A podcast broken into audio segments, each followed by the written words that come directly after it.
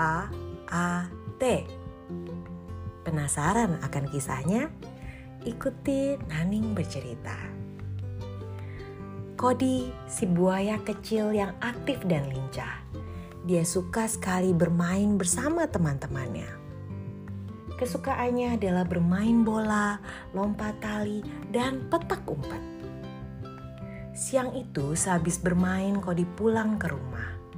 Sesampainya di rumah dia langsung ke meja makan karena perutnya lapar. Melihat apa yang dilakukan Kodi, Mama Kodi pun langsung menegurnya. Kodi, ingat cuci tangan dulu sebelum makan. Tapi ma, aku lapar nih. Sahut Kodi. Iya, Mama tahu kamu lapar. Tapi kamu kan habis bermain di luar. Tanganmu kotor. Kalau kamu tidak cuci tangan nanti kamu bisa sakit perut. Kamu mau sakit perut lagi kayak kemarin? Tanya Mama Kodi. Iya iya, oh, nggak enak banget mah sakit perut kemarin. Jawab Kodi mengingat betapa tidak enaknya sakit perut. Kalau begitu, jadi anak yang taat ya. Turuti kata mama. Cuci tangan sebelum makan. Ajak mama. Iya Maya. Jawab Kodi setengah hati. Belakangan ini Kodi memang tidak ingin taat. Dia merasa bosen dengan kata taat yang sering diucapkan oleh mamanya taat, taat, T-A-A-T, taat. Bagi Kodi menjadi anak yang taat itu tidak menyenangkan karena dia tidak bisa melakukan apa yang dia mau.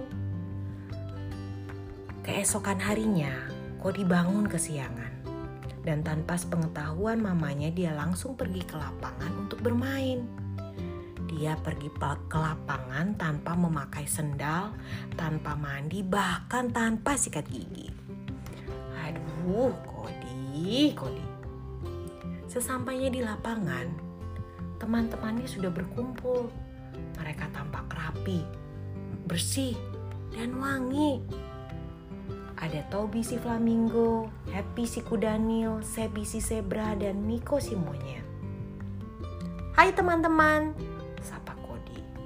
Main apa kita hari ini? Tanya Kodi sambil duduk di antara mereka. Hmm, main apa ya? Kayaknya main bola aja tuh, asik. Jawab Tobi. Eh, eh, kalian cium bau sesuatu nggak?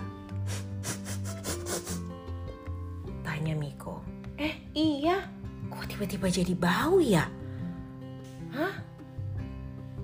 Sepertinya bau ini dari arahmu Kodi.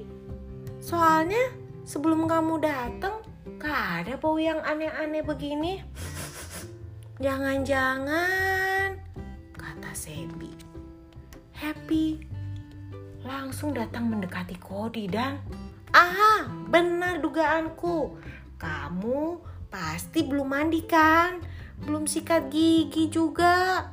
Ih, hmm, aku, aku, Kodi gugup karena ketahuan. Ih, Kodi, corok banget sih. Masa belum mandi, belum sikat gigi, sudah pergi main keluar? Kata Sebi yang menyingkir menjauh. Kodi, udah, sana pulang dulu. Mandi, sikat gigi, baru ke sini lagi. Kita nggak akan tinggalin kamu kok, kita tungguin. Dan jangan lupa pakai sendal ya, kan kita mau main sepak bola lagi. Kata Happy. Kodi pun pulang sambil menahan malu.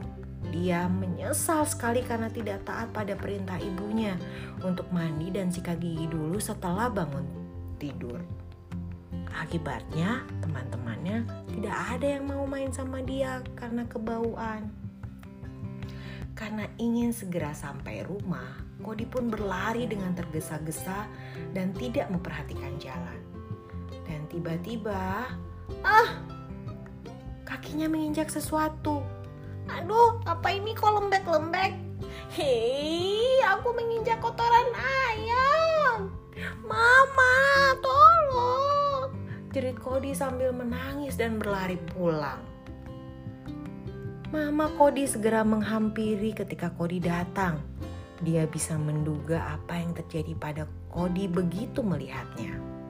Segera dia meminta Kodi mandi dan tidak lupa menggosok gigi. Setelah mandi, Kodi menceritakan apa yang tadi dialaminya kepada mamanya. Sambil memeluk Kodi, mama bertanya, "Nah, sekarang